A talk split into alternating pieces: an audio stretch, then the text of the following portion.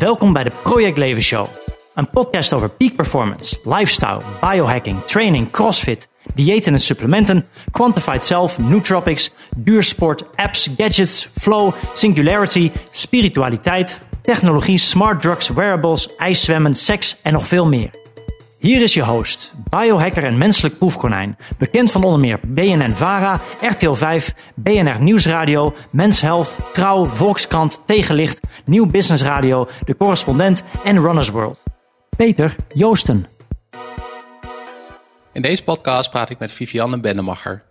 Vivianne is een van de oprichters van Technologista en daarvoor was ze hoofdredactrice van onder meer Kijk, Viva en Know-how.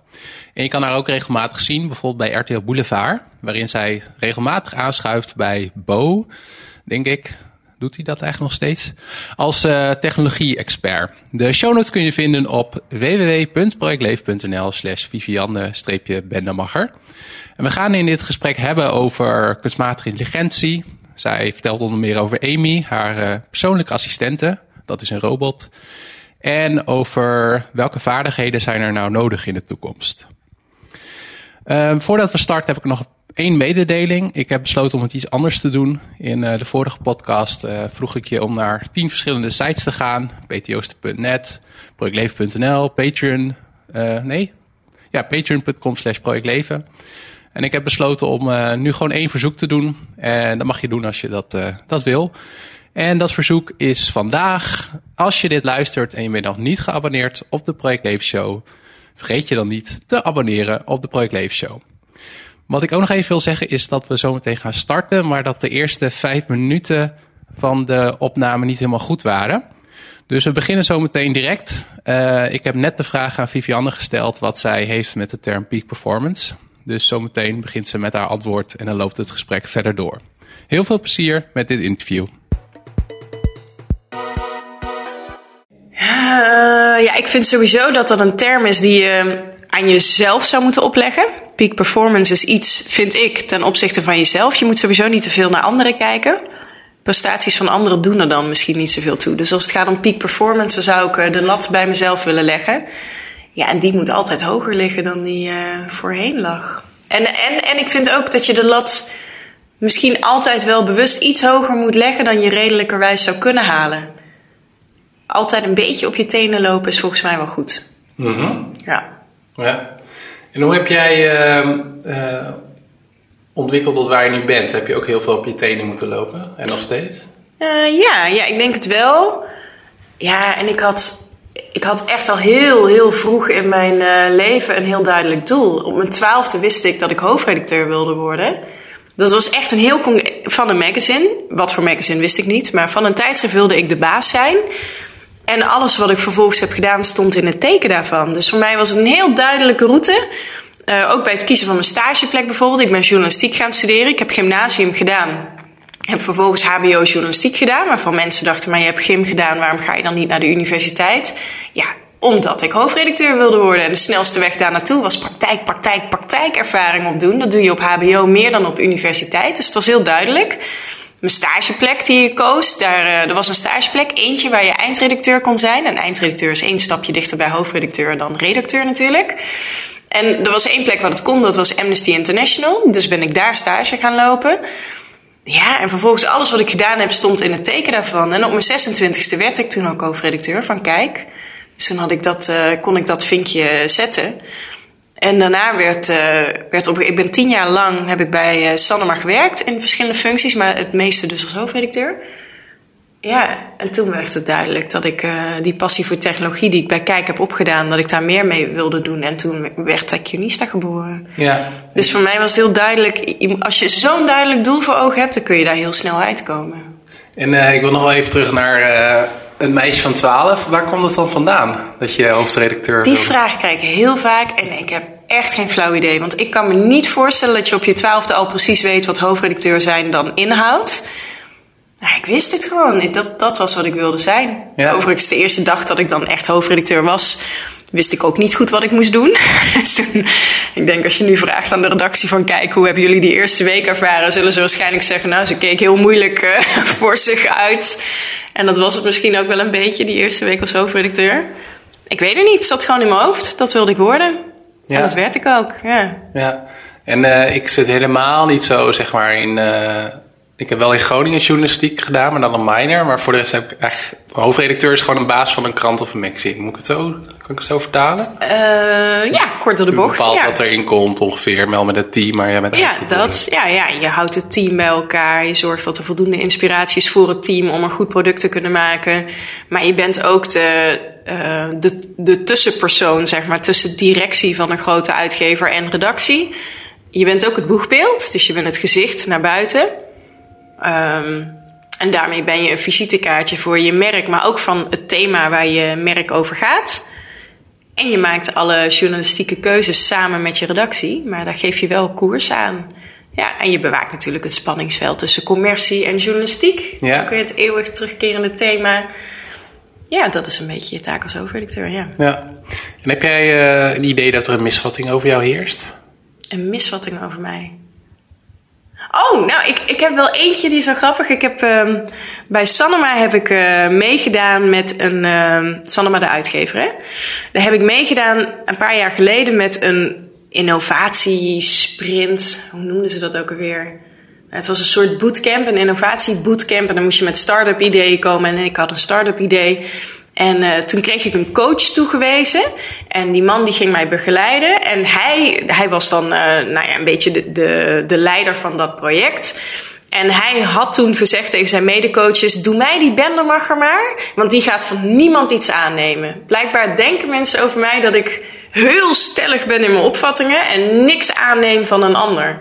En dat is echt niet waar. Volgens mij ben ik best wel kwetsbaar en uh, sta ik heel erg open voor ja, voor feedback en, uh, en andere meningen.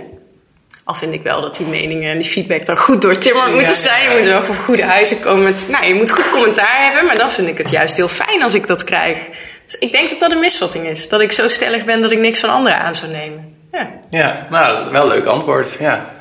En uh, we nemen dit, uh, dit gesprek op in het oude Paleis van Justitie in Amsterdam. Op het uh, hoofdkantoor van Technionista. Technionista. Tec Technionista, ja. En ehm, wat is eigenlijk jullie doel? Nou, ons doel is om de arbeidsmarkt op het gebied van ICT en technologie diverser te maken. En dan bedoel ik uh, vooral gender. Um, er zijn heel weinig vrouwen werkzaam in de wereld van ICT. Als we inzoomen bijvoorbeeld op de beroepsgroep programmeurs, dan zie je dat in Nederland 90% man is en slechts 10% dus is vrouw. Dat vind ik jammer. En ik denk ook dat er enorm veel kansen liggen in die markt. Het is een, ja, een markt van de toekomst. Hè? Iedereen en alles wordt ICT.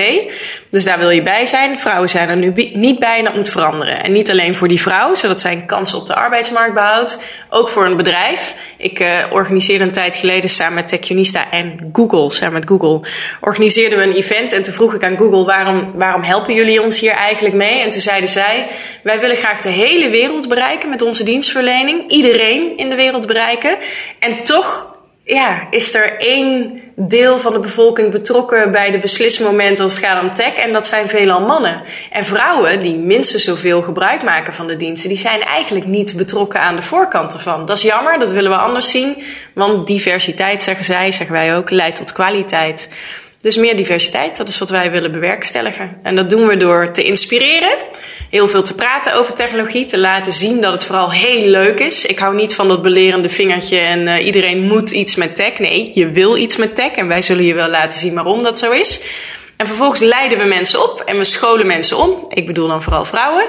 En die uh, bemiddelen we uiteindelijk ook naar een baan. Dat is ons doel, zodat we over een paar jaar kunnen zeggen: er zijn uh, x uh, duizend vrouwen bijgekomen op de arbeidsmarkt van tech en ICT. En daar hebben wij ons hard voor kunnen maken. Ja, ja en om wat voor vaardigheden gaat dat dan? Echt om, om die hard, uh, weet ik veel, C++ of ook zeg maar WordPress? En, het kan alles, alles zijn. zijn. Ja, het kan alles zijn. En ook niet alleen maar het, uh, het, het zelf doen. Hè? Bijvoorbeeld uh, programmeren doen we ook, maar dat hoeft het niet te zijn. Of data scientist, we leiden ook op tot data scientist. Maar het kan ook een salesfunctie zijn, maar dan wel op het gebied van ICT en tech. Waardoor je toch een bepaalde theoretische kennis moet krijgen om, om dat vak goed te kunnen beoefenen. Dus we, ja, het, het kan echt alles zijn. Je kunt heel veel affiniteit al hebben met uh, bijvoorbeeld meer de, de beta-kant. Nou, dan is het logisch dat je misschien wel data scientist kunt worden, of programmeur, of uh, hè, zoiets. Maar dat hoeft niet. het is veel breder dan dat. Je kunt ook een hele goede PR-medewerker worden op het gebied van ICT en tech. Ja. En je vertelde net over Google, die daar dan heel uh, proactief in is. Mhm. Uh, maak je de andere kant ook wel eens mee? Dus dat er mensen vooroordelen hebben over Zeker. vrouwen in tech? Ook bij Google. Hè. Afgelopen zomer is Google nogal in opspraak gekomen doordat een medewerker met een memo kwam. Eh, waarin die eigenlijk zei van nou ja, er is een biologisch verschil tussen mannen en vrouwen. En daarom zijn vrouwen niet vertegenwoordigd in de tech scene. En dat is maar goed ook, want er is een biologisch verschil. Ben ik het absoluut mee oneens. En daar is de wetenschapper trouwens ook mee oneens. Dus die kunnen we wel eh, naar het Rijk der Fabelen doorsluizen. Maar daar heeft Google ook mee te maken. En tegelijkertijd strijden zij voor diversiteit, waar ik heel blij om ben. Uber, toevallig een andere partner van ons. eh, we hebben een tijd geleden samen met Uber een Techunista's toekomstcafé georganiseerd. Dat was voordat Uber in opspraak kwam door de toch ook wel seksistische opvattingen die er heersten.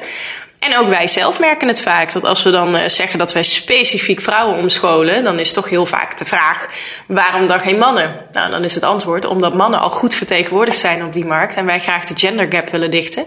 En wij ervan overtuigd zijn dat dat nu even extra aandacht behoeft, zodat we er hopelijk, hoop ik oprecht, er over een paar jaar niet meer over hoeven te praten. Want stiekem krijg ik zelf ook een beetje jeuk van discussies over diversiteit. Want diversiteit, hè, daar huist een beetje een verschil in. Als ik het heb over diversiteit, zeg je bijna, eh, want we zijn anders. En eigenlijk wil ik liever horen bij het kamp die zegt, we zijn niet zo anders. We zijn hetzelfde.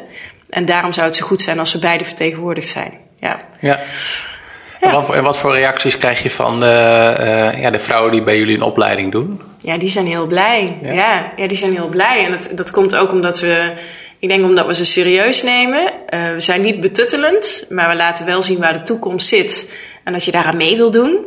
Bijvoorbeeld veel vrouwen die zich bij ons melden zijn vrouwen die boventallig zijn verklaard eh, door een reorganisatie. Vaak komt die reorganisatie voort uit opkomende technologie. Dingen zijn geautomatiseerd of eh, hè, afdelingen zijn kleiner geworden omdat ze het misschien deels wel eh, nou, met technische tools af kunnen. Nou, en die vrouwen zijn heel erg blij dat wij ze laten zien dat het wel kan. En, en wat we ook wel veel zien als wij bijvoorbeeld een lesje geven in programmeren.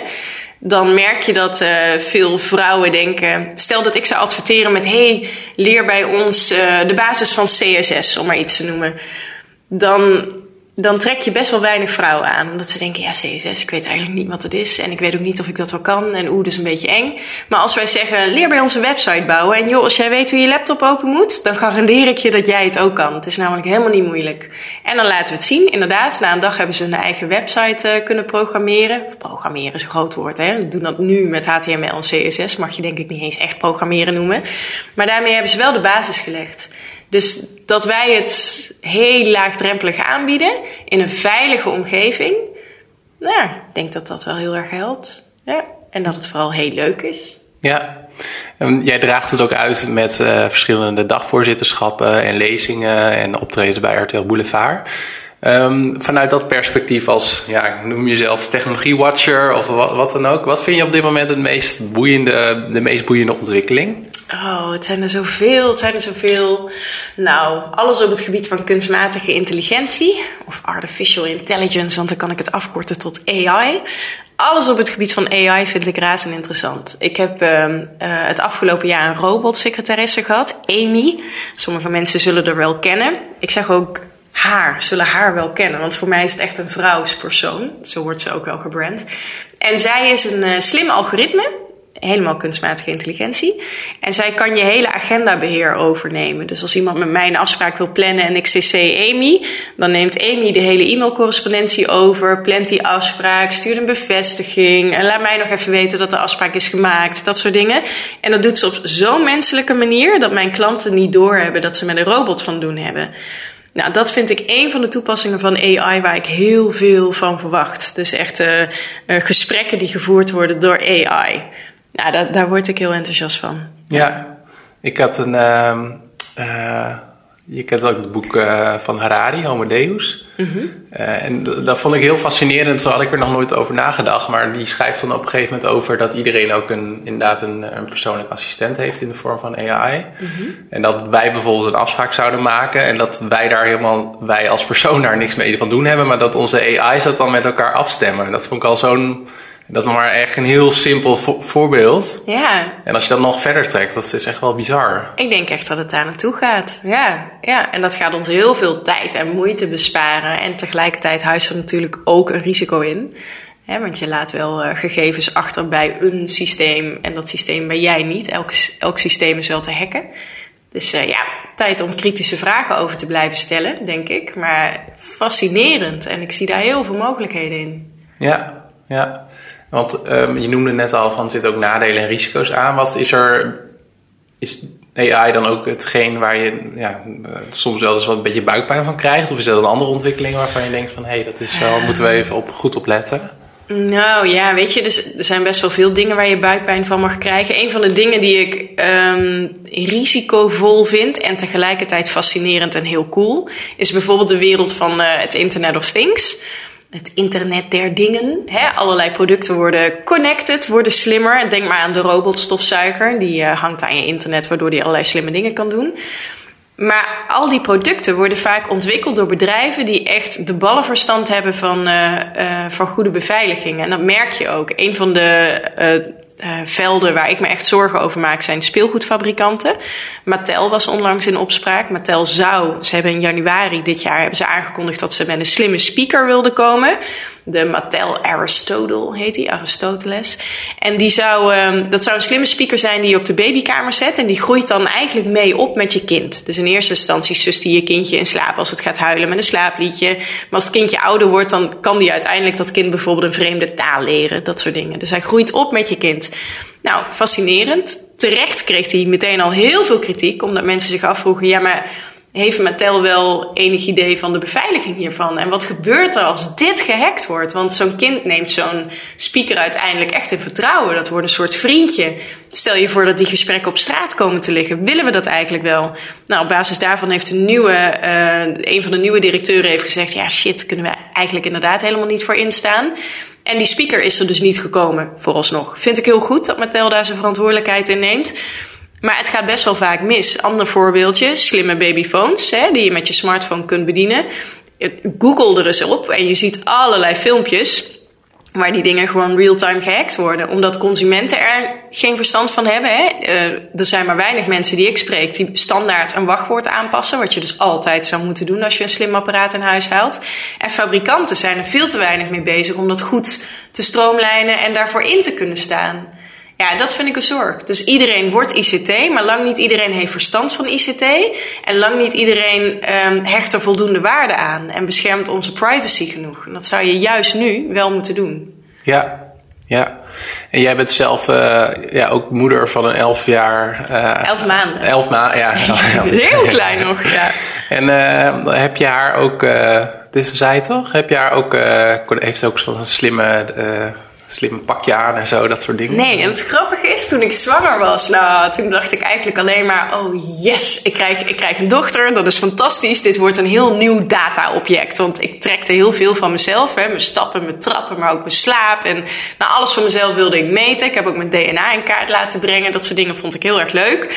En toen dacht ik, oh top, ik krijg een kindje, nou, die ga ik vol hangen met sensoren. En die babykamer wordt rete slim en ik ga een wiegje aanschaffen dat zichzelf uh, kan wiegen als mijn kind gaat huilen. Nou, ik zag het helemaal zitten. En toen kwam het kindje er en dat is helemaal omgeslagen. Ik was zo bang dat ik niet kon instaan voor haar veiligheid. Dat dingen te hacken zijn, dat haar identiteit op straat komt te liggen op een manier dat je dat niet wil. Dat ik helemaal niks slims heb voor haar. Dus ik, uh, nee, ik geef haar gewoon nog lekker een ouderwetse blokkendoos.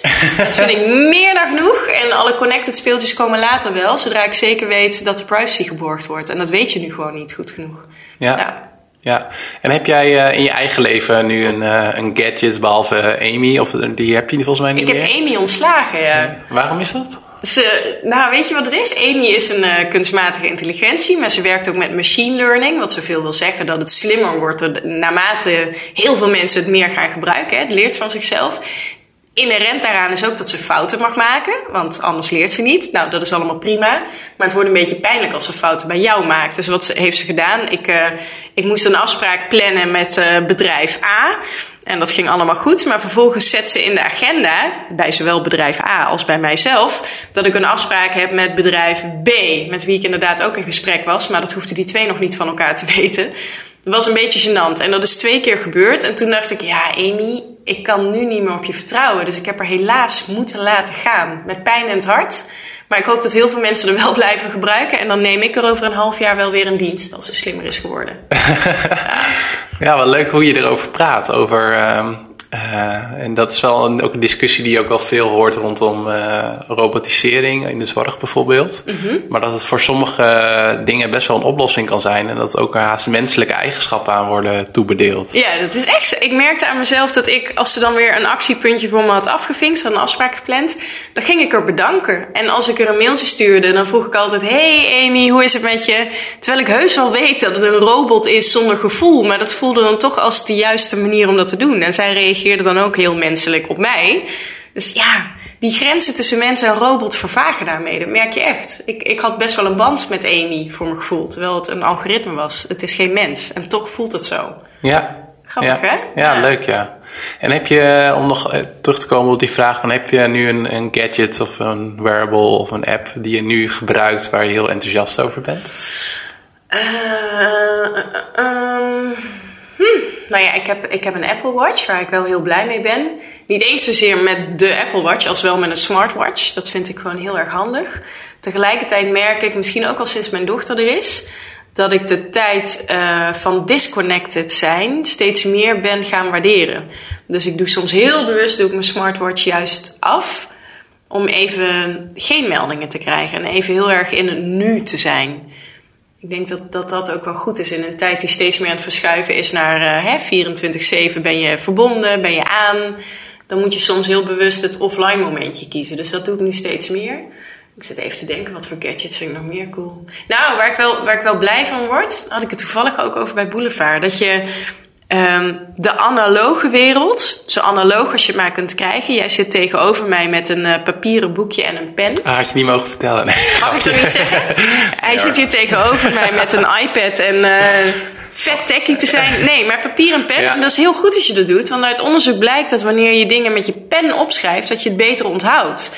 Terwijl als ik nu mijn aantekeningen zou maken op mijn laptop, heel veel studenten doen dat, het blijft allemaal helemaal niet hangen. Dat gaat rechtstreeks naar je korte termijn geheugen en dat verdwijnt gewoon. Alleen, het nadeel van jouw boekje is, nou, probeer daar maar eens in te googlen. Dat kan niet, hè? Dus daar kun je niks in terugvinden. En wat ik heel cool vind, is dat je nu, uh, overigens al, al een tijdje, ik heb zelf via Kickstarter uh, Rocket Boek aangeschaft. En dat is een uh, papieren boekje met gewoon een pen, die dan weer pairt met bijvoorbeeld je Evernote of uh, andere plekken online waar jij, of digitaal moet ik zeggen, waar jij je aantekeningen maakt. En dan uh, kun je gewoon met pen en papier je aantekeningen maken, maar vervolgens komt hij wel in de cloud te staan waarmee alles doorzoekbaar is geworden. Nou, Evernote is nu een samenwerking aangegaan met, uh, ik moet zeggen, Moleskine. Ik zei altijd Moleskine, maar het schijnt Italiaans te zijn. Maar die mooie boekjes. Ja, deze Waardoor je dus, uh, is er ook een Moleskine? Ja. Nou ja, die dingen zijn dus nu ook toegevoegd aan de cloud, terwijl het hartstikke analoog is. En dat vind ik wel leuk om te zien, dat je dus de meest analoge dingen die je kunt voorstellen, worden dus ook slimmer. Daar word ik blij van. Ja, ja. En uh, ik was nog wel benieuwd naar je, naar je offline momenten. Heb je daar een vast moment voor in de week? Of is het in, in, in, in het jaar? Of heb, is het meer gewoon, doe je dat meer op gevoel? Ja, het is, eigenlijk is het, uh, oh het klinkt zo zoetsappig. Maar eigenlijk als ik met mijn dochter ben, dan, uh, ja, dan gaat mama even uit. Dan ja. is echt, uh, ik, ik ben gek op mijn werk, ik ben gek op technologie. Maar als ik met haar ben, dan verdient zij mijn aandacht, mijn onverdeelde aandacht. En dat betekent dat die smartwatch even uitblijft. Want als ik daar een trilletje op mijn pols voel, dan ga ik toch even kijken wie mij mailt of op Instagram reageert of uh, een appje stuurt. En dat wil ik gewoon niet altijd. Ik wil niet die moeder zijn uh, waar altijd die smartphone tussen zat. Weet je wel, dat, uh, dat kan niet. Nee. En, en het, zijn, het zijn de natuurmomenten. Ik merk dat ik uh, vroeger was ik echt meer een, uh, een uh, stadsmeisje die het liefst tussen de uitlaatgassen het, het, centrum inliep, zeg maar. En nu neig ik heel erg naar natuur om gewoon die, ja, die rust te pakken. Mm-hmm. En tegelijkertijd volop te genieten van alle technische toepassingen als ik wel aansta. Ja. Maar dat uitstaan is toch wel heel belangrijk, ja. Om er wat bewuster keuzes in te maken. Ja. Wanneer wel, wanneer niet. Ja, ja precies dat. Ja. Ja, ja. De- niet meer geleefd worden door tech. Ik denk dat ik best wel een aantal jaren geleefd ben door tech. Hè, waardoor die smartphone bepaalt wanneer je dingen doet, in plaats van dat jij zelf bewust de keuze maakt om aan het werk te gaan, om je social media te checken. Het werd steeds meer een pull in plaats van een push. En dat is niet goed, denk ik. Of Nee. niet goed, joh, dat moet iedereen voor zich bepalen. Maar voor mij voelde dat op een gegeven moment niet meer goed. Ja, ja. Nee, ik vind dat ook heel interessant. Want ik heb nu het boek ehm Deep Work gelezen van Cal Newport. Ken ik niet. En dat gaat er eigenlijk om dat we in een maatschappij leven waarin je inderdaad steeds meer afleiding hebt. Zowel door social media als door e-mail als door eh, open workspaces eh, op veel kantoren. En dat hij zegt van er is ook een hele categorie aan werk. Dat noemt hij dan deep work, waarin je eigenlijk eh, ja, in een soort van in de focus, in de flow moet komen. Dat je even geen afleiding moet hebben.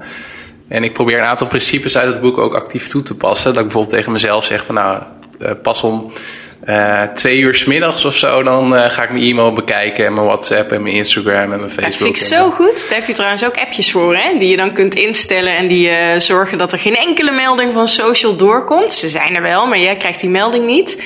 Eh, totdat jij wel weer eraan toe bent. Ik vind dat echt wel goed om daar een beetje time management in toe te passen. En, eh, en inderdaad, ik, ik las in een ander boek dat ehm, voordat jij ergens volledig in zit, dus je concentratie top is, ben je 15 minuten verder.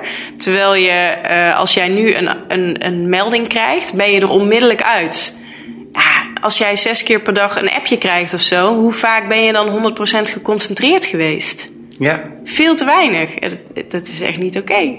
nee. Dus dat, ja, ik denk dat, dat het dat voor alle lagen van de bevolking, of je nou student bent of je bent werkzaam, of, eh, dat het best wel goed is om af en toe eventjes op zijn minst een uur lang een taak te kunnen doen waar je op dat moment mee bezig bent zonder afgeleid te worden.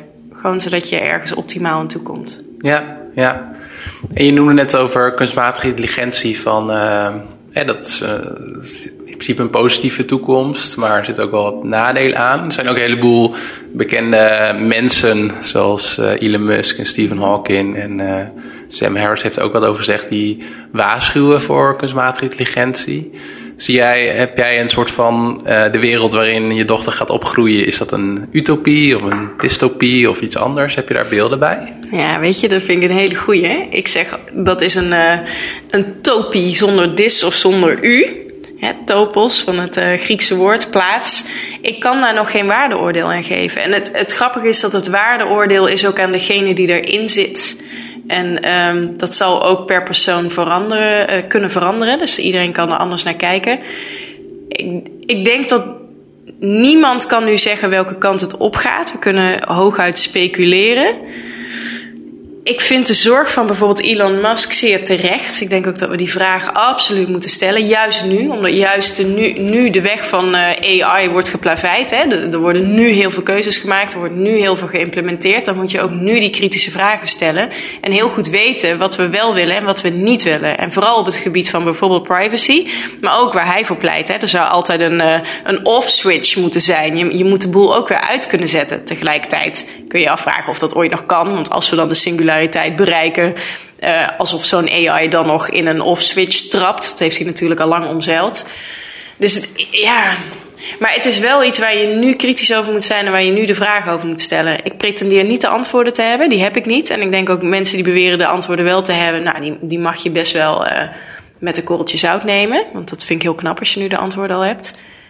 Maar je moet wel de vraag stellen, ja. Dus ik, ik, ik, ik ben het in die zin eens met de zorg van, ja.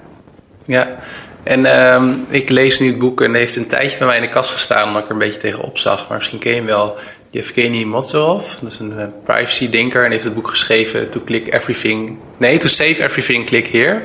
En het is wel heel verfrissend, dat is echt een tegengeluid tegen alle andere technologie, meer utop- utopische boeken. Maar hij, zegt, hij gelooft niet zozeer in, eh, in, ex- in de wet van Moore of exponentiële technologie en singulariteit. Denk jij wel dat dat allemaal eh, ja, echte fenomenen zijn? Dat we echt naar een moment gaan dat kunstmatige intelligentie zo ontzettend slim is? Eh, ja, dat denk ik wel. Alleen misschien niet met de snelheid zoals eh Moore's Law die, die laat zien. Ik denk dat Moore's Law ook best wel misbruikt wordt voor allerlei dingen. We roepen al heel snel, zie je wel, dat is de, de wet van Moore. Terwijl, ja, die ging vooral over rekenkracht. En eh, die kun je niet op alle facetten door blijven trekken. En ik denk ook dat sommige ontwikkelingen op een gegeven moment gaan stagneren. Niet alleen omdat ze, of niet omdat ze niet omdat ze technisch gezien niet mogelijk zouden zijn. Ik denk dat we technisch veel meer kunnen, maar omdat we uiteindelijk tegen juridische problemen op gaan lopen. Dus dat, dat zou de boel wel eens kunnen stagneren, waarmee je die wet van Moore misschien al niet eens meer kunt doortrekken. Dus ik, ik denk wel dat tot nu toe een hele hoop van die termen wel degelijk echt waren. Dus um, ik geloof ze wel. Alleen je kunt ze niet tot in de eeuwigheid blijven doortrekken. Dus wanneer die singulariteit bereikt wordt, ja, dat weet ik niet. Maar ik denk wel dat dat, dat fenomeen bestaat. En dat we daar uiteindelijk wel uitkomen. Ja, ja en dat je dan, uh, dat vind ik. Ik moest laatst nog wat vertellen ergens. En toen vertelde ik ook over de ideeën van een hele bekende singularist. Nou, ik hoort wel in ieder geval. dat je op een gegeven moment ook je, je, je mind helemaal kan analyseren. Alle neuronen en synapsen en alle verbindingen. Het hele connectome. Dat je dat dan kan uploaden in computers. En dat we dan voor eeuwig digitaal kunnen voortleven. Nou, dat is nog ver weg. Dat, dat is nog wel, nog wel verder weg. Maar dat is wel een hele interessante, interessant perspectief. En hoe kijk je aan tegen, want jullie doen dan ook dingen rondom uh, hè, opleiding en evenementen. Mhm. Wat voor vaardigheden zijn belangrijk?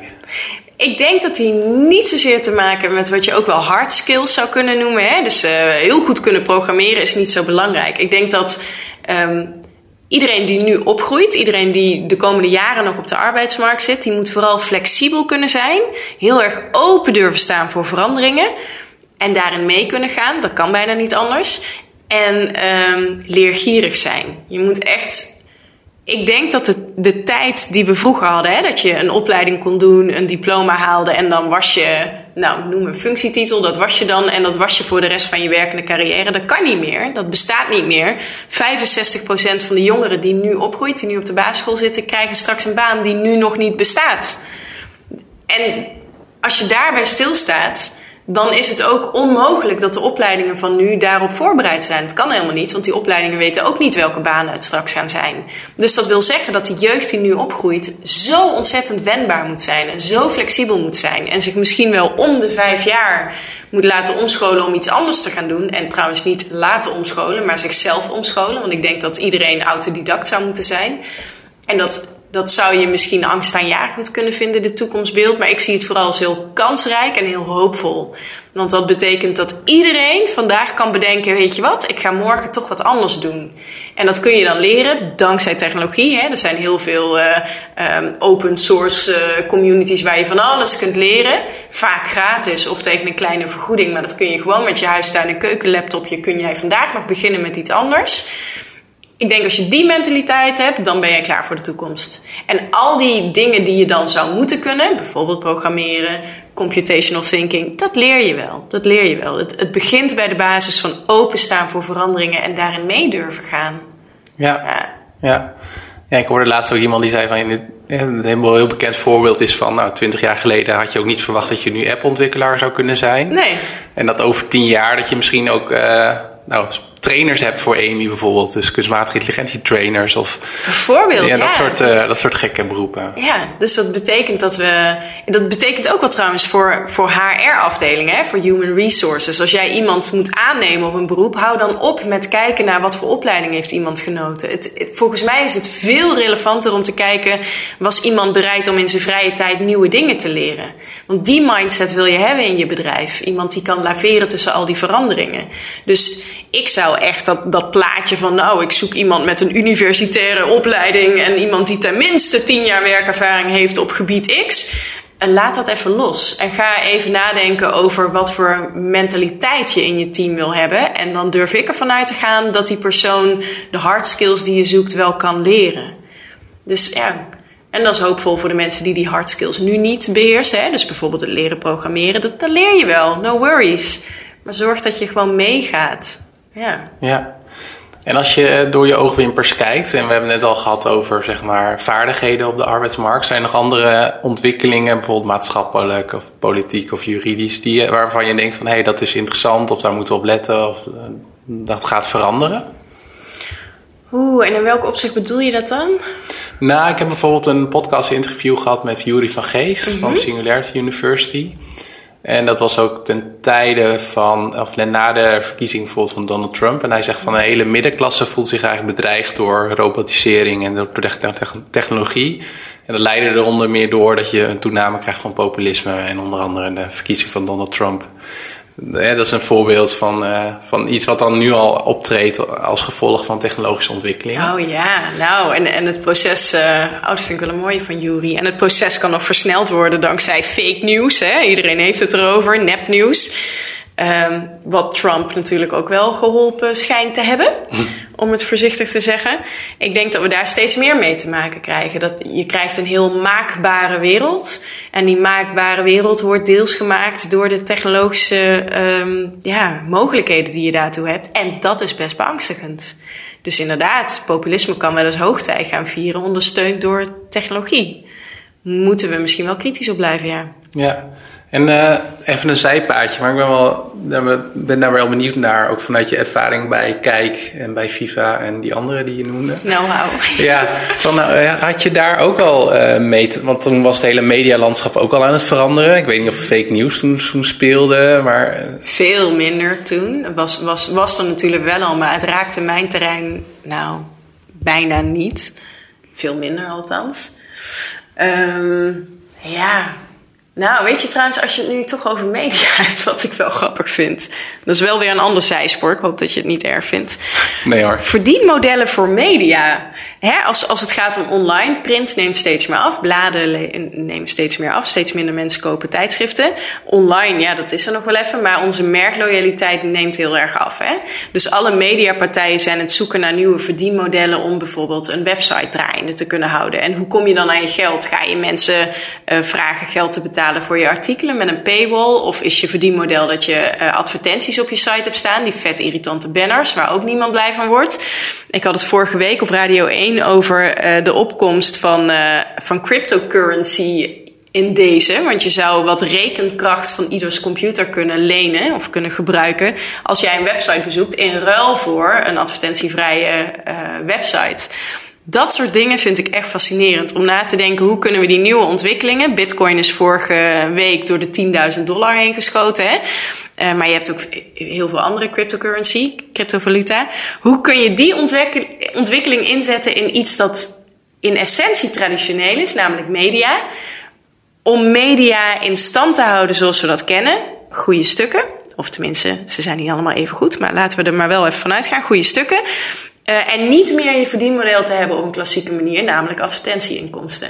Ah, dat, dat vind ik heel gaaf. Hoe ver kun je daarin gaan en hoe doe je dat dan? Ja. ja dus, en daar had ik destijds niet mee te maken. Daar zou ik nu best wel graag mijn tanden in hebben willen zetten als ik er nog gezeten had. Ja, ja. ja ik heb daar ook een keer een, uh, iemand over gesproken die inderdaad zegt dat je... Dat was toen nog van dat je ook YouTube-video's kan betalen per, eh, omdat je dat met blockchain-technologie veel beter kan doen. Misschien ook podcast of zo, weet ik veel wat. Ja, dat is wel een heel interessant vergezicht hoe je ook om die vergelijking te maken van de analoge wereld uh, vertalen naar digitaal. Dat het ook geldt voor meer analoge sectoren, zoals de media misschien. Ja, ja ik, denk, ik denk juist de media. De media moet nu zo gaan zoeken naar, nou, dat zijn ze al jaren aan doen natuurlijk, naar hoe gaan we voortbestaan als het niet meer op de traditionele wijze is. Hè? De traditionele wijze was: jij neemt een abonnementje op mijn magazine en ruil daarvoor krijg je elke maand een magazine in de bus. Nou, dat is straks niet meer. Die lijn kun je wel aardig doortrekken. Heel veel bladen zakken al door het ijs. En dat, in mijn optiek gaat dat ook uiteindelijk wel eindig zijn. Je houdt altijd wel een paar niche magazines, maar dan houdt het ook al op. Het grote verdienmodel is klaar. Maar dat online verdienmodel dat het verlies van print goed kan maken, is vooralsnog niet gevonden. Dus ja, als je, als je dit soort dingen in kunt zetten, hè, als je echt een grote website hebt met heel veel bezoekers, en je zou van al je bezoekers een klein beetje rekenkracht kunnen gebruiken, wat nu trouwens illegaal gebeurt hè, met uh, cryptojacking, dat is een heel nieuwe vorm van uh, ransomware, kent iedereen gijzelingssoftware. En cryptojacking gebeurt ook stiekem, dus als jouw laptop ineens begint te blazen terwijl je gewoon heel onschuldig aan het surfen bent en verder eigenlijk niet echt rekenkracht van je computer gebruikt, ben je waarschijnlijk het slachtoffer van cryptojacking. En dan gebruikt iemand de rekenkracht van jouw laptop om uh, cryptocurrency te minen. En niet alleen jouw laptop, want dat zet geen zoden aan de dijk. Dan, dan verdien je een paar cent mee. Maar als ik tegelijkertijd miljoenen laptops zoals die jouwe kan inzetten, ja, dan kan mij dat als hacker heel veel geld opleveren. Nou, stel je voor dat we hacker even vervangen door uh, het tijdschrift Kijk, dat online geld wil verdienen op een transparante manier met gewoon een opt-in, waarbij iemand zegt: ja hoor, sure, pak maar wat rekenkracht van mij in ruil voor een advertentie vrije website, hé, hey, dan ben ik helemaal voor. Dat zou te gek zijn. Ja. Nou is het enige, uh, de keerzijde is dat de mediawereld, ik chargeer, maar toch vaak niet heel erg bezig is met dit soort ontwikkelingen nog. Dus het kon nog wel even duren voordat het er is. Maar ik, ik zou dat echt vet vinden. Als er ja. een, een, een mediapartij is die dit nu gaat oppakken. Ja, ja. Heel interessant. Ja, dan misschien moeten we er nog een keer een podcast doen over twee, drie jaar of zo. ja, Hoe het is. Ja. Ja. ja. Hoe blijf je op de hoogte van de laatste ontwikkelingen en technologische trends? Ja, ik, ik, ik begin mijn dag altijd met een rondje langs de velden. Dus ik, uh, ik, ik ben echt een groot gebruiker van bijvoorbeeld Flipboard. Vind ik heel fijn. Voorheen was het trouwens Zite. Ik vind het heel jammer dat Zite er niet meer is, maar is opgegaan in Flipboard. Dat is een app, hè? Voor, uh, ja, ja, het, ja, sorry. Ja, het zijn beide uh, apps die bij Flipboard geef je vooraf al een beetje in wat jouw voorkeuren zijn. Nou, bij mij is dat natuurlijk alles op het gebied van technologie. Je kunt ook bronnen aangeven. Ik vind bijvoorbeeld The Verge en Mashable en dat soort partijen vind ik fijn. En uh, Flipboard zorgt er dan voor dat ik elke dag een selectie van artikelen van allerlei verschillende bronnen krijg op het gebied van technologie. En doordat je het gebruikt, wordt het idee ook slimmer en dan past het ook steeds beter bij waar je naar op zoek bent. Nou, daar begin ik altijd mee en dat, ja, dat helpt mij altijd wel. En voor de rest, ik luister naar podcasts. en ik praat heel veel met andere mensen hierover. Ik heb een uh, groepje mede-nerds om me heen met wie ik graag praat. En die mij ook weer scherp houden met, uh, hey, heb je dit al gezien? Toevallig kreeg ik net weer allerlei uh, linkjes doorgestuurd van een zeer waarde mede-nerd. En zo houden we elkaar scherp. Ja, en, is er, en dat kan over technologie gaan, maar kan ook over heel wat anders gaan. Maar is er iets waar je eerst van overtuigd was, maar er nu toch anders naar kijkt? Is er iets waarvan ik overtuigd was en er nu anders naar kijk? Um. Nou ja, misschien is het wel wat ik al eerder noemde. Hè. Ik, ik was heel erg uh, bezig met altijd connected zijn en alles van mezelf trekken. Ik ben nu radicaal gestopt met het trekken van mijn uh, gegevens. Misschien wel een beetje door, uh, nou sowieso uit de angst voor de privacygevoeligheid uh, daarvan. Maar ook omdat het mij te veel begon te beheersen. Een voorbeeldje, ik ben een hele slechte slaper. Ik, uh, ja, ik ben met tijden best wel een insomniac. En ik hield mijn slaapgegevens bij. Bijna obsessief hield ik het bij. En dan kon het gebeuren dat ik dan een nacht voor mijn gevoel best redelijk had geslapen. Ik werd wakker en dacht, nou, volgens mij viel het wel mee. Ik heb best wel goed geslapen. En dan pakte ik mijn gegevens erbij en dan zag ik in mijn grafieken: oh nee, je hebt echt een hele slechte nacht gehad. En dan voelde ik me instant weer helemaal moe. Dus het begon tegen me te werken in plaats van dat het me hielp. Ja, en daar ben ik nu inmiddels echt helemaal mee gestopt. En dat had ik, dat had ik niet helemaal zien aankomen, want ik was best wel fan van het uh, trekken van alles. Quantified Self Community vond ik ontzettend leuk. Ben ik nu echt een beetje op teruggekomen. Maar dat, dat ligt wel aan mij uh, aan mijn persoon. Ik denk dat er ook mensen zijn die daar wel heel goed mee om kunnen gaan. Ja, ja, ja ik uh, organiseer sinds kort de Quantified Self Meetups in, uh, in Nederland. En ik herken wel wat je zegt, want ik track ook mijn, mijn slaap.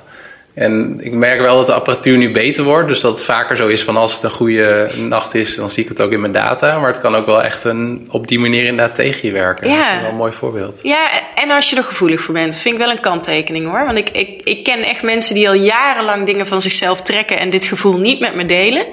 Dus blijkbaar is dat wel ook iets wat in mij zit, dat ik best gevoelig ben voor die data ja, aan de andere kant, ik heb mijn DNA uh, of mijn genoom in kaart laten brengen bij 23andMe. En dat vind ik nog steeds super fascinerend. Om te kijken naar, uh, er komen soms ook weer nieuwe gegevens vrij over wat, wat data over je kan zeggen. Vond ik tijdens mijn zwangerschap bijvoorbeeld heel interessant. Om te kijken naar dingen van, oh, hoe reageer ik eigenlijk op bepaalde medicijnen? Of uh, hè, welke traits heb ik eigenlijk? En dat, dat kun je dan zien. Ja, daar ben ik nog steeds wel van overtuigd dat ik dat wel erg leuk vind. Tegelijkertijd zou ik dan het genoom van mijn dochter weer niet in kaart laten brengen. Dus zo nee. zie je maar, hè? Dat, het verschuift. Ja. ja. Ja, nee, dat is heel. Ik heb een. Uh, ben de laatste tijd daar ook door gefascineerd. Ook de hele CRISPR-Cas9-technologie ja. en zo. Dat je ook echt dingen kan bewerken. En ook van, ja, wat. Ik heb ook een total body scan gedaan. Misschien ken je dat wel. Ja, oh, gaaf, ja. En bij dat, mij dat overwoog ik. Hoe is dat bevallen?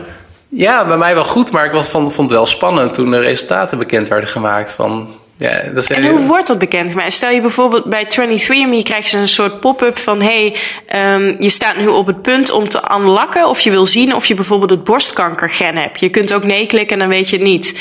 Is dat bij jou dan ook een keus geweest of krijg je sowieso alle data te zien? Je krijgt alle data te zien, maar het was wel een gesprek met een arts die dat dan eh, wel, dat dan wel. eh, inleidt. Niet van hier in jouw face. eh, je hebt een dodelijk iets of Oh, stel. Maar Ja. kwam er iets uit waar je van schrok of niet? Nee, niet waar, waar ik van schrok. Wel dat ik onderin mijn lage ruggenwervels eh, zat een kleine beschadiging die op zich niet heel raar was. Waarvan ze dan aanraden om ook eh, voldoende mijn rug- en buikspieren te blijven trainen. Wel goed om te weten. Dat was in ieder geval wel goed Ja. om te weten, ja. ja. Terwijl aan de andere kant is het heel fascinerend, gaan we echt de diepte in. Ik heb ook zo'n 23andMe-analyse gedaan. En daaruit kwam wel een bepaalde... maar dat is, dat is ook een nadeel hè, soms van dat soort analyses. Dat, dat je één gen eruit pakt. Terwijl natuurlijk Ja. ook een aantal dingen... een heleboel verschillende genen eh, een rol spelen. Ja. Maar da- daaruit kwam voren dat ik waarschijnlijk weinig last heb van rugklachten... van- vanwege een of ander gen wat ik heb... wat een, een of andere eiwit in gang zet... wat juist weer beschermend is voor je rug. Ja, dus, dat is- het kan elkaar ja. tegenspreken. En het Ja. blijven 23andMe. En da- daarom moet je, ook voor 23andMe, moet je een type zijn. Ik, ik raad dat niet iedereen aan. Daar kan ik dan weer grappig genoeg wel goed mee omgaan, volgens mij. Het blijven kansberekeningen. Hè? Het zegt niks over. Stel je voor, je ziet bijvoorbeeld, eh, jij hebt eh, zes keer zoveel kans dan gemiddeld op eh, jicht. Of op, nou, een andere ziekte. Of een andere Ik heb zeven keer zoveel kans om kaal te worden. Daar schrok ik wel van. Dat, dat snap ik, ja, daar schrik Ja. je ook van. Maar daar is niks van te zien. Nee. Toch? Nee. Vooralsnog klopt Nee. af. Maar vaak moet je dan wel even kijken naar de cijfers. Hoe groot is normaal de kans? Normaal is de kans eh, 0,000001. Hè? En, Ja. en nu is het dan zes keer zoveel. Dat is nog steeds heel erg weinig. Dus dat, dat is wel... Ja, dan moet je wel enigszins rationeel in blijven staan. Ja. Het blijven kansberekeningen. Het wil niet zeggen dat het zo is. Maar het Ja. is wel interessant om te zien, ja. Ja, goed punt. Hoe zien de eerste 60 minuten eruit als je wakker wordt, meestal? Eh, tegenwoordig heel anders dan vroeger. Want nu eh, eh, zijn de eerste. Ik word überhaupt wakker door mijn nieuwe biologische wekker, zijnde mijn dochter. Vroeger werd ik gewoon wakker door mijn smartphone.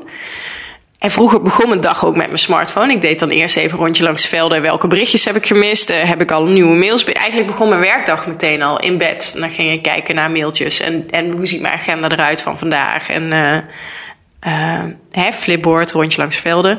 Maar nu ja, dicteert mijn dochter toch veel meer de ochtend. Dus het is wat afgenomen. Behalve flipboard, dat doe ik nog steeds. Dat is echt, eh, ik, ik moet de dag wel beginnen met enigszins wat technieuws. Een beetje weten wat er speelt. Ja. ja. En dan eh, neem ik veel te veel tijd om me aan te kleden. Ik, ik, ik ben dus ook, ik kan niet s'avonds mijn kleren klaarleggen voor de dag daarna. Want het kan best zijn dat ik me de dag daarna helemaal niet eh goud rokje voel, maar zwart rokje. En dat, dat gaat niet. Dat kan echt niet. Dan moet ik me daar echt, eh, nee, daar heb ik tijd voor nodig. Mijn vriend die kan echt, eh, in twee minuten is hij klaar. Dat heb ik niet. Nee, Ik heb tijd nodig. nee, en nou, Amy over twee jaar, die gaat dan eh, alle kleren klaarleggen op basis van jouw agenda stemming. voor de dag en de Ja, stemming. en mijn je stemming. slaapgedrag. Precies. En ze ziet meteen, ach, ze is moe. Nee, als ze Ja. moe is, dan is ze meer van zwart. En Ja, ja. precies. ja, daar kijk ik naar uit. Ja, dat kan ik me voorstellen. Ja. Dat wil ik wel. en heb jij een gewoonte die andere mensen eh, bizar, raar, vreemd, apart vinden? Eh, ja, nou ja. Ik weet niet of het raar of vreemd of apart is. Maar ik, eh, ik vind... Het is ook weer een beetje eh, dwangmatig misschien. Ik, ik vind dat ik elk jaar iets nieuws moet leren. En eh, iets wat, wat totaal niet in de lijn, niet per se in de lijn der verwachtingen ligt, maar gewoon iets dat ik echt niet beheers. Dat kan van alles zijn. En dat was een paar jaar geleden. Nou, toen, toen ik voor het eerst in Amsterdam ging wonen, was dat bijvoorbeeld. Toen liep ik door het Vondelpark en toen zag ik van die mensen achteruit skaten. Weet je wel, dat slalommen bij. Ja. eh, toen, dacht- en ik kon helemaal niet skaten. Nou ja, ik kon rechtdoor, maar ik kon niet remmen en ik kon geen bochtjes maken. En toen dacht ik, ja, nou, aan het eind van de zomer moet ik dat kunnen. Moet ik achteruit kunnen slalommen om die stomme pionnetjes in het Vondelpark. En toen ben ik naar die groep gegaan die dat heel goed kon. En heb ik gevraagd, kun je me dat leren? En aan het eind van de zomer kon ik het. Nou, daarna heb ik ook mijn skates in de wilgen gehangen en klaar. Vinkje gezet, dat kon ik dus. En eh, twee jaar geleden wilde ik leren programmeren. Eh, Oh, en, en uh, um, ruim een jaar geleden zou ik coureur worden. Dat is ook nog wel een mooie. Ik ben een middelmatig chauffeur. Hè. Ik, ik, ik kan wel autorijden, maar ik zou mezelf niet als een hele goede chauffeur betitelen. Dus dacht ik, wat zou het vet zijn als ik coureur word? Als ik ook echt mijn eerste race gereden heb. Want dan kan ik aan iedereen zeggen, je kunt alles worden wat je maar wil. Als je er maar tijd en passie in steekt. Dat geloof ik ook echt. Je kunt alles worden wat je maar wil. Um, hè, dus als ik coureur wil worden, dan is dat in essentie mogelijk. Het gaat mij mogelijk meer tijd kosten dan iemand met talent. Maar zou moeten kunnen. Dus toen ben ik naar uh, Jaguar gegaan met dat verhaal. Jaguar zei, nou, superleuk idee. Uh, wij zorgen dat er een raceauto klaar staat. Ik had zo'n 24 uurs licentie in Zandvoort. Uh, die wilde ook wel meedoen. Dus die zou dan die licentie voor me sponsoren. En dan was het ook echt de bedoeling dat ik het, het eind van het jaar... in de zomer zou ik dan mijn racebuffet halen. Eind van het jaar eerste race rijden. En alles stond uh, paraat en toen uh, was ik zwanger. Dus toen dacht ik, ja, nee, dat, dat, dat zou wel een hele slechte moeder zijn als ik dan meteen al de bocht uitvlieg met een kind in mijn buik. Dus die, die staat even onhold. Dus uh, toen dacht ik, nou, dan is dit het jaar van moederschap. Op zich ook wel een mooie uitdaging. En dit jaar heb ik, nou, nu komt het meest technologische verhaal dat je tot nu toe gehoord hebt. Ik heb leren breien. Breien? Met YouTube. Ja, ik had nog nooit breinaalden in mijn hand gehad. Toen dacht ik, ja, ik ben nu moeder, dus dan moet je sokken breien, had ik in mijn hoofd. Dus nu heb ik heel veel tutorials op YouTube gekeken. Nu kan ik breien, best wel goed ook. Ja, hmm. ga ik dus ook nooit meer iets mee doen, maar ik kan hem weer afvinken. Ja. Dus het is nu tijd voor de nieuwe uitdaging. En weet je het al? Voor 2018? Ja, ik, nou, het moet wel weer iets techie, uh, techie worden hoor. Ja, nu moet het weer hardcore. Ja, ja, Ik zat te denken, misschien kan ik iets leren op het gebied van hacken. Dat lijkt me wel heel vet. Ja. Hmm. Ja. Dus uh, dat ga je nog van me horen. Als je binnenkort naar jullie website gaat, dan word je gecrypto-jacked. Oh, dat is, ik, nou, misschien, ja, misschien moet ik daar maar eens mee aan de slag. Ja. Oké. Okay. Hm. en uh, je vertelde van toen je 12 was dat je hoofdredacteur wilde worden. Weet je nog van de periode daarvoor? Wat wilde je toen worden? Dat varieerde van uh, dierenarts, zoals elk meisje, tot... Um, uh, volgens mij heb ik ook nog, ik ongetwijfeld ook dokter, zeg maar niet voor dieren, maar voor mensen willen worden. Ja, ja, nee, ja. Maar dat waren allemaal van die floddergedachten, weet je wel. Nee, vanaf mijn twaalfde was het gewoon echt... Uh, dat was voor het eerst dat het heel helder was. Ja. ja. Heb je favoriete, favoriete film of uh, documentaire? Uh, ik vind de favoriete serie Black Mirror... Vind ik heel fijn. Raad ik iedereen aan. Omdat ja, daar, ken komt het nieuwe seizoen? Ja, ja. Ik weet niet wanneer het nieuwe seizoen uitkomt. Ik zie er wel naar uit. Ja, ik ook. Ja. En het fijne daarvan is, voor mensen die het niet kennen... Uh, het stemt altijd tot nadenken en er worden altijd, scenario's ingeschetst waarvan je denkt: oh, dit zou eigenlijk best wel kunnen. Ja, oh, wat ongemakkelijk. En dat, dat vind ik heel goed, want dat zorgt ervoor dat we kritische vragen blijven stellen, dus daar hou ik van. Uh, en uh, in, het, in de categorie fictie, al kun je je nu afvragen hoe fictie het was. House of Cards, fantastisch. Heel erg jammer en heel shit dat Kevin Spacey dan toch uh, zo'n type leek te zijn. Vind ik echt heel jammer, want we verliezen er een grote acteur mee. Dat hij zo in opspraak is geraakt. Schandalig. Schandalig als een heel erg dat hij dit gedaan heeft. Hè? Mm -hmm. Laat daar geen misverstand over staan. Uh, ja. En je noemde in, in het begin al het boek van Dan Brown. Heb je een, een favoriet boek? Oh, wat ik iedereen aanraad. Ready Player One. Ken je het? ja, die staat nog op mijn... Op ja. Mijn, iPad om te lezen. Vind ik een fantastisch boek. Echt een, uh, ja, heerlijk. Een beetje voor de nerds onder ons. Uh, en van een heel ander kaliber. Uh, Schaduw van de Wind. Heel mooi boek. Um, ja, nee, eigenlijk moet gewoon iedereen Ready Player One gaan lezen. Oké, okay, leuk. Ja, dan moet ik zal me gaan, ga er nu ook mee aan de slag. Ik jou zo enthousiast hoor ja, zijn. Ja, ja, ja. En je noemde net al een aantal websites en blogs uh, en podcasts. Heb je nog andere die je nog wil noemen? Dus je noemde Mashable en Wired volgens mij. Ja, uh, natuurlijk Techjanista. Maar um, andere hele goede uh, website. De, de, mensen van Numrush vind ik ook echt. Ik vind echt dat zij heel goed werk leveren. Dus uh, Numrush vind ik een hele fijne ja, website. Sinds kort ook een column. Dus voor de mensen hey, moeten er sowieso naartoe. Nou, dan moet je er sowieso heen. En uh, Bright. Ik vind dat Bright altijd heel prettig is om, uh, om bij te houden. Oh, en een Nederlandse nieuwsbrief die ik echt leuk vind, is die van RTL Z. Zij hebben en humor en ze doen veel aan cureren waar ik van hou. En ik vind dat ze altijd wel met de juiste linkjes komen. Dat is er eentje die mij ook echt helpt bij het opstarten van mijn dag. Even de nieuwsbrief van RTL Z en dan weet je ook weer wat er speelt. Op een goede manier. Dus dit vind ik ook echt een aanrader. En verder uh, Follow the Money in de gaten houden.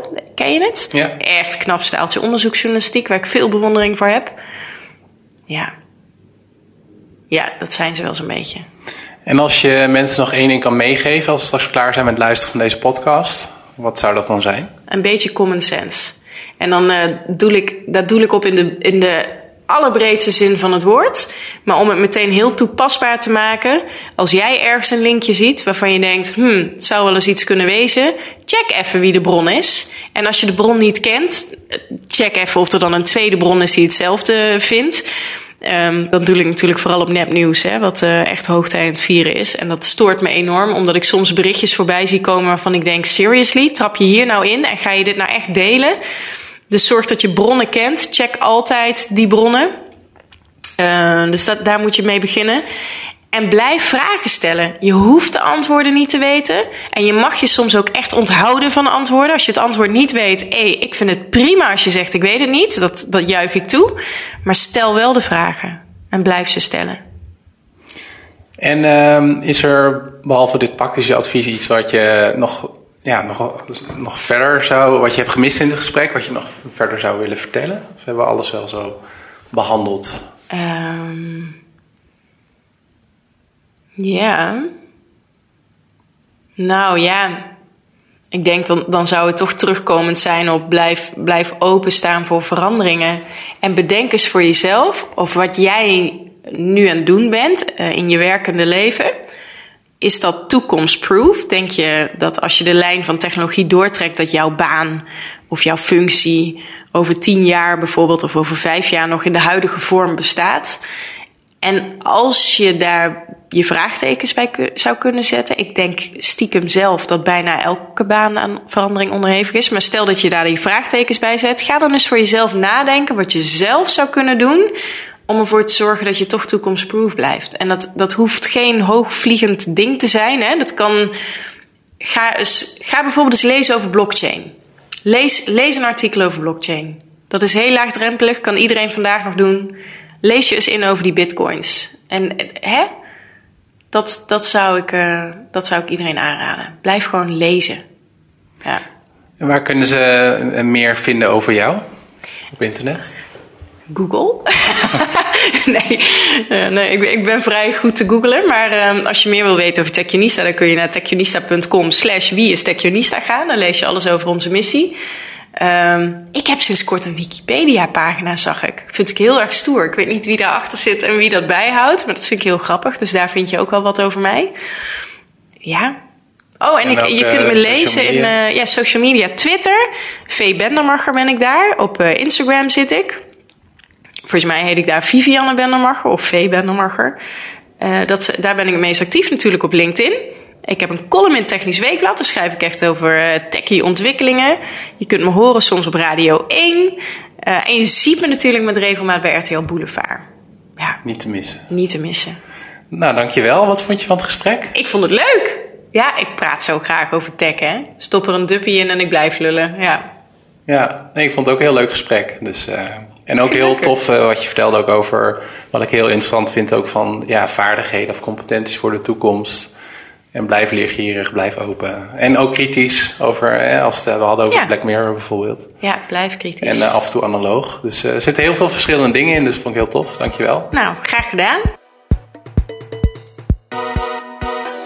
Bedankt voor het luisteren naar de Project Leven Show. Vergeet je niet te abonneren op deze podcast. Wat ik leuk vind is als je een review of beoordeling achterlaat op iTunes. Ga naar projectleven.nl om op de hoogte te blijven van de podcast, de persoonlijke experimenten, vlogs en video's die ik maak en de meetups die ik organiseer. Je kan je daar ook abonneren op mijn nieuwsbrief en een gratis cheat sheet downloaden. Ga naar peterjoost.net als je meer wil weten over mijn advieswerk, lezingen, workshops en presentaties die ik geef. Ga naar patreon.com slash projectleven om te laten zien dat je een supporter bent van de Project Leven Show. Bye.